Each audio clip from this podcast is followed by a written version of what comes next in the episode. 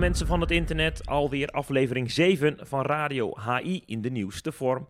Druk weekend achter de rug en geen tijd gehad de website van Handbal Insight te checken. We praten je graag bij. Maandag 24 oktober, na haar rentree gemaakt te hebben in de Deense eredivisie, heeft oud-international Nieke Groot zich afgelopen weekend ook in de Champions League laten zien. Door veel blessures in de opbouwrij heeft Odense gevraagd of de gestopte Groot een aantal keer wil invallen. In eigen huis tegen Bietigheim kon de nog altijd fitte spelmaker Odense aan de Europese overwinning helpen. 31-24. Groot speelde goed en pikte in de Champions League ook nog een goal mee. Vijf keer was landgenoot Bo van Wetering trefzeker voor Odense.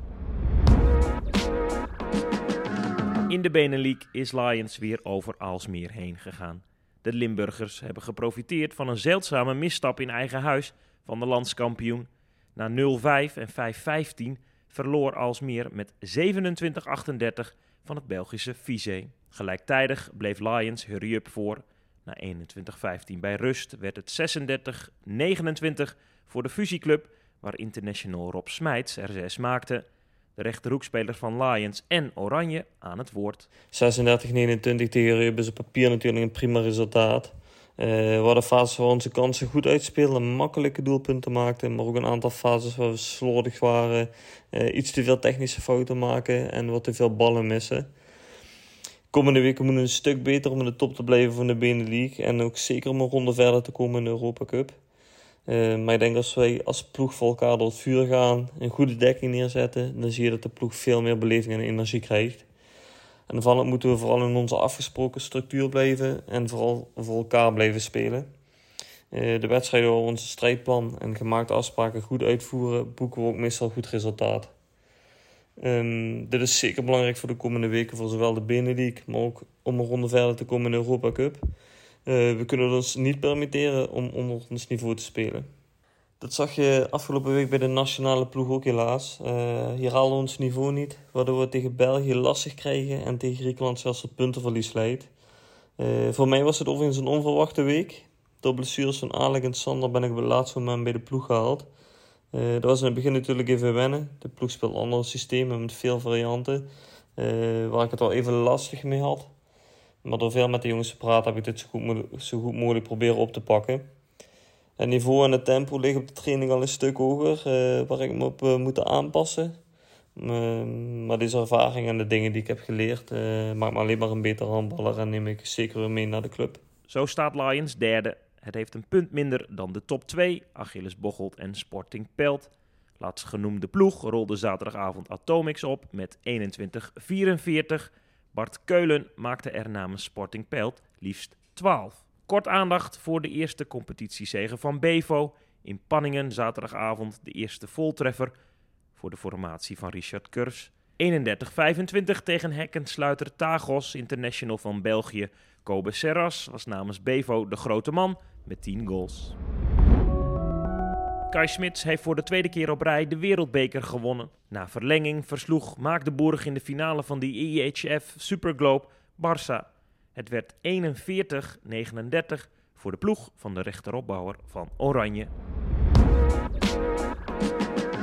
In de eredivisie voor vrouwen heeft de top 3 geen fout gemaakt. Landskampioen handbal Venlo maakte er bijna 50 in Wateringen tegen nieuwkomer Velo 30-48.